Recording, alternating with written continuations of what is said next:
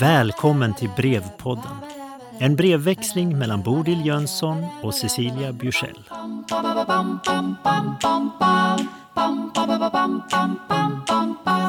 Cecilia, brev 11. Himmel och pannkaka, Bodil.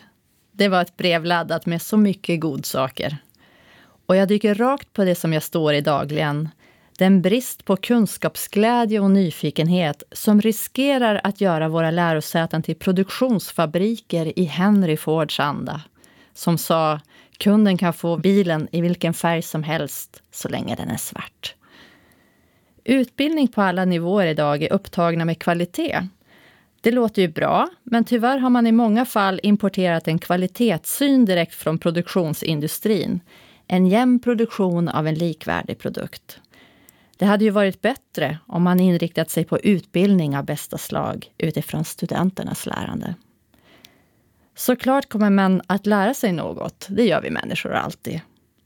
Men det finns en risk att istället för de kreativa, nytänkande, självständiga individer man ofta efterlyser fostras nu en generation lärare och studenter att lyda och utföra. Torftigt, som du säger. I kapitlet The Rise of the Administrative Class beskriver Robert Samuels hur det har skapats en ny samhällsklass, den administrativa klassen, som har enorm makt över det som nu sker på våra lärosäten. Det handlar förstås om chefer i olika lager, men även administrativa uppgifter i allmänhet, där det idag arbetar strateger istället för servicepersonal. Samuel startar sin text med en berättelse om hur författaren satt med en grupp som skulle jobba med att bedöma lärares kvalitet och ganska snart upptäcker att det är ingen av de övriga i gruppen som någonsin har undervisat eller har en lärarutbildning. Att kunna något om den verksamhet man leder är ingen självklarhet idag. Men vad har då det här att göra med vår förståelse och vår kunskap? Förflyttningen från process till produkt har fått konsekvenser, precis som du beskriver i ditt brev. Det blir torra smulor kvar av det som kunde ha varit en hel buffé av kunskap och erfarenheter. Fokus på mål och mått gör att endast det mätbara premieras. Det är lätt att mäta om du har skrivit en forskningsartikel. Det är svårt att mäta det du lärde dig medan du skrev. Det har byggts upp en frustration bland universitetslärare och forskare kring det här. Och en som satte ord på det var Jonna Bornemark med sin bok Det omätbaras renässans. Bornemark tar hjälp av renässansfilosofer med begreppen intellectus och ratio för att fånga det hon har upplevt och känt. Hur det mätbara är det enda som räknas. Men att det finns och krävs så mycket mer för att förstå livet i sin helhet.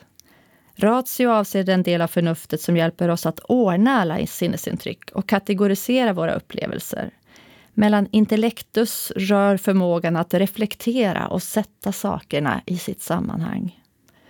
Bornemark visar med konkreta exempel hur ratio fått alldeles för stort utrymme, vilket betyder att bara det som går att räkna på eller att mäta värderas och får utrymme.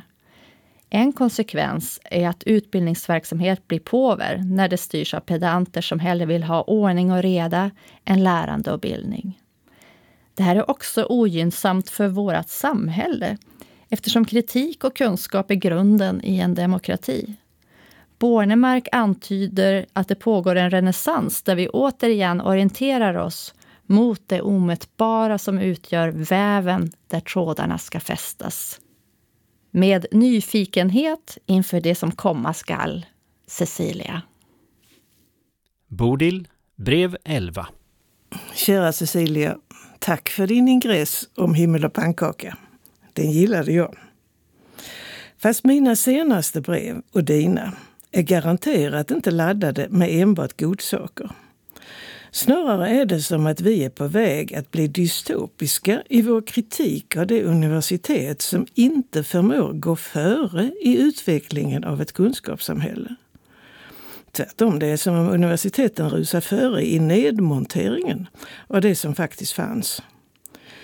Just den insikten var förresten det enda som jag tyckte var sorgligt i samband med min pensionering. Jag upplevde det faktiskt som att jag lämnade ett universitet som var sämre än det som jag hade kommit till när jag började där. Fast min självkritik var inte nådig. Och vad har du själv gjort då för att motverka detta? Och jag tyckte och jag tycker att jag faktiskt har gjort mycket för att hålla emot. Men vinden åt det mediokra hållet har varit för stark. Nåja, det här är inte första gången i historien. När universiteten på sin tid var så konservativa att man där bara läste före, det vill säga föreläste, och till exempel Newtons läror inte fick förekomma inom universitetens ramar, vad hände då? Jo, då uppkom vetenskapsakademierna lite vid sidan om. Under en period blev det där som det nydanande utvecklades. Man kan undra vad som kommer nu. Eller har det kanske redan kommit utan att vi har märkt det? Är kanske denna brevväxling bara ett utslag i den riktningen? Under alla omständigheter har du och jag nu något som vi kan fira. Att antalet brev som susat fram oss emellan har hunnit bli tvåsiffrigt. Det har gått i ett huj utan att jag egentligen har märkt det. Det vill säga, det har jag ju. För den här brevväxlingen är för närvarande ett markant inslag i min vardag. Den besjälar mig. Jag gillar både dess innehåll och dess öppenhet och form. Det är en ynnest att få bli så berikad. Livet leker och tillvaron blir mer kreativ. Vi behövde kanske varandra, du och jag. Inte bara för att göra det svartsynta synligare för oss själva och för varandra, utan också för att muntra upp varandra, ta nya tag, för inte ger vi oss inte. Vet du förresten varför 10 är en så märklig siffra? Det beror inte på att de flesta av oss har tio tår och tio fingrar.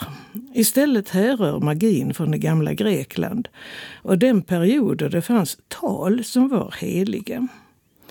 Heligast av alla var 1, 2, 3 och 4. Ettan betraktade man som motsvarigheten till punkten. Tvåan stod för linjen, trean stod för ytan och fyran för volymen. Och eftersom det sedan inte fanns fler dimensioner i deras värld så måste ju summan av 1, 2, 3 och 4 bli ännu heligare. Och den är, ja just det, den är 10. Grekerna tillämpade detta också på rymden när de räknade ihop antalet himlakroppar som de kunde observera. Solen, månen och ett antal planeter, de var inte så noga kan vi tycka. Det vill säga, de hade ännu inte förlagt solen i centrum. Och planeter visste de inte vad det var. Men antalet observerbara himlakroppar blev hur som helst bara nio. Men så kunde det ju inte vara, tänkte de. Det skulle ju bli tio, för det var ju tio som var heligt. Därför uppfann man en tionde himlakropp mot jorden. Den befann sig bakom solen och rörde sig kring jorden med samma vinkelhastighet som solens. Utifrån deras sätt att se.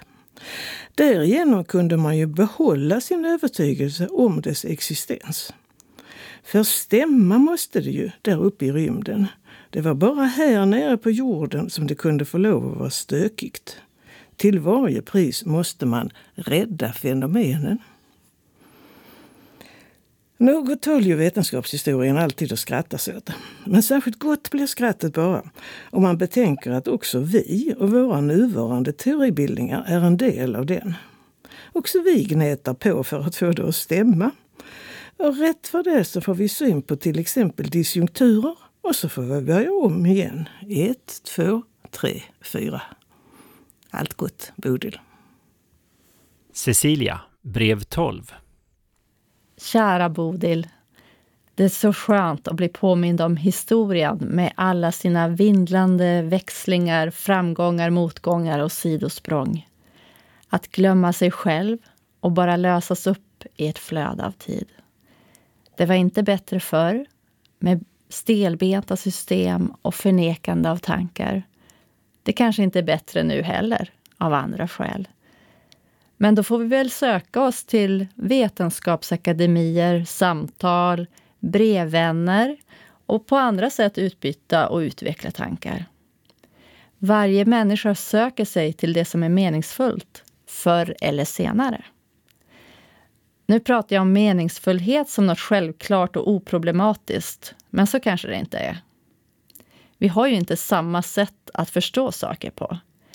I dina tidigare arbeten har du tagit upp hur vi många gånger undrar över samma saker och att vi ska vara öppna för de där lite mer unika tankarna som kommer från ett helt annat håll.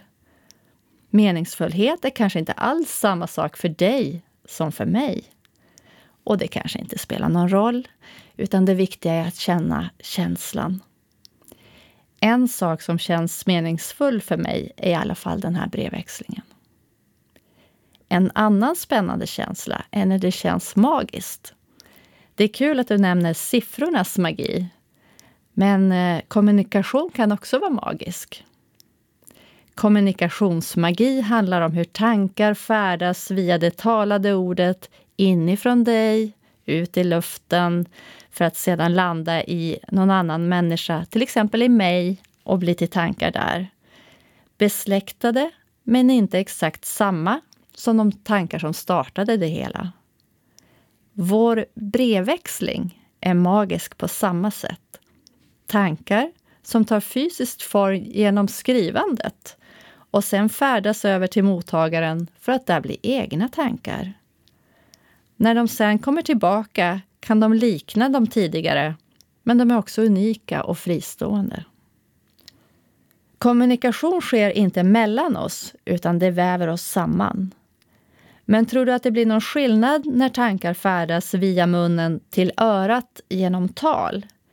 Eller genom handen till ögat genom text? Med tanke på att det rör olika sinnen borde det kanske bli lite olika. Och så måste jag fundera över om jag har en motsvarighet till motjorden. Mm. Något som jag kan intala mig för att behålla mina övertygelser. Inga himlakroppar, men kanske andra idéer som jag behöver för att få det att stämma. Eller det där kanske bara fungerar på kollektiv nivå, som hos de gamla grekerna. Det kanske till och med var så att motjorden behövdes för att skapa den magi som krävdes för att utveckla andra tankar som vi fortfarande har nytta av. Varma hälsningar Cecilia. Bodil, brev 12. Kära Cecilia, jag väljer att haka på några av meningarna i ditt sista stycke. Tror du att det blir någon skillnad när tankar färdas via munnen till örat genom tal eller genom handen till ögat genom text? Med tanke på att det rör olika sinnen borde det kanske bli lite olika, skriver du. Ja, det tror jag. Det blir faktiskt skillnad redan när man utformar själva meddelandet. Själv upplever jag exempelvis att vissa brev måste skrivas för hand, vid sekretären, på äkta brevpapper och med en särskild penna. Egentligen så är det varken sekretären, pappret eller pennan som är det viktiga i detta. Det är istället att tanken då liksom får gå ut via armen till handen som formar bokstäverna. Orden, de enskilda meningarna, gör hela brevet. Medan man har dubbelriktad kommunikation med sig själv. För det är ju inte bara tankesignalerna som får handen att utföra sina distinkta rörelser medan hjärnan tänker på adressaten. Utan också det nyss skrivna talar ju tillbaka till en, visuellt där man sitter och skriver. Man följer hur orden bildas och det påverkar vilken tanke man kan tänka därnäst. The medium is the message. Mediet är budskapet, enligt Marshall McLuhan. Många diskuterar detta i termer av mediets påverkan av hur budskapet uppfattas. Men med mitt sekretärsexempel vill jag lägga till att mediet också påverkar vilket budskap som sänds. Pedagogiskt är det välkänt hur somliga människor är utpräglat auditiva medan andra är lika utpräglat visuella. Och åter andra är lika glada på vilket sätt som helst. Inuti respektive sinne är vi också profilerade, både utifrån läggning och skolning. Själv gillar jag förstås tabeller och grafer. Tänk att få sagt så mycket på en gång i en så komprimerad form. Men samtidigt har jag lärt mig och fått respekt för att många andra slår bakut inför detta kondenserade. De kan helt enkelt inte fånga budskapet i tabeller utan behöver istället ett antal meningar. Ja, det här är komplext och individuellt. Därtill finns det strömningar i tiden som påverkar vilka former som är de gängse.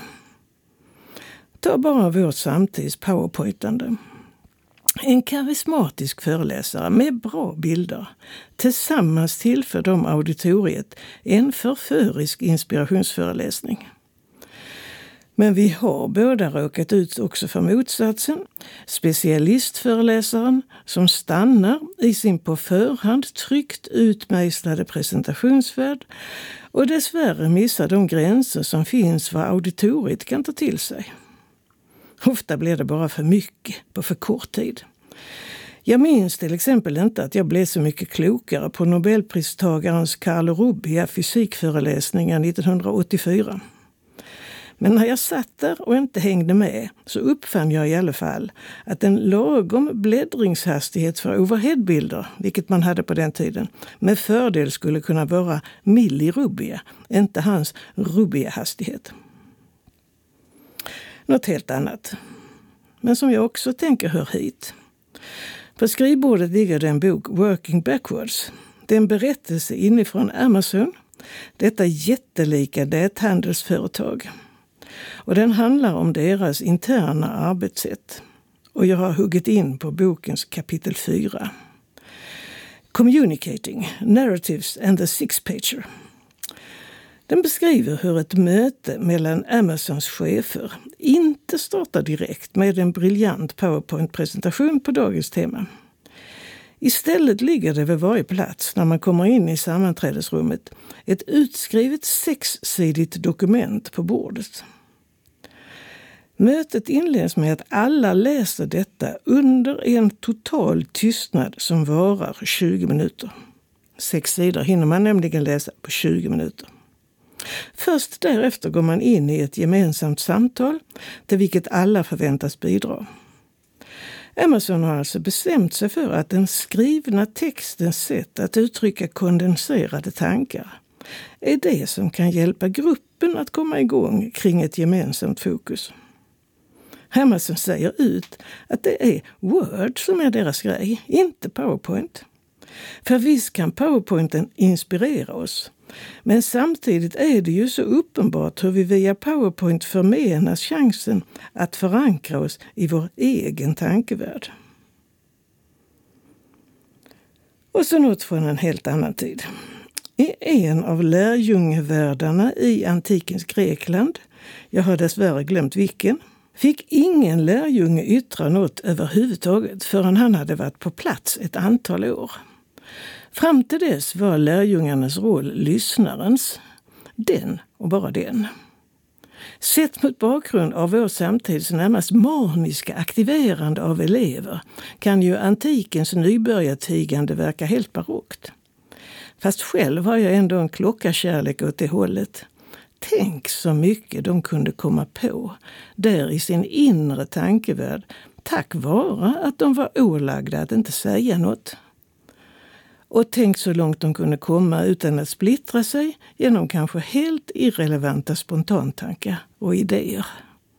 Allt gott, Bodil.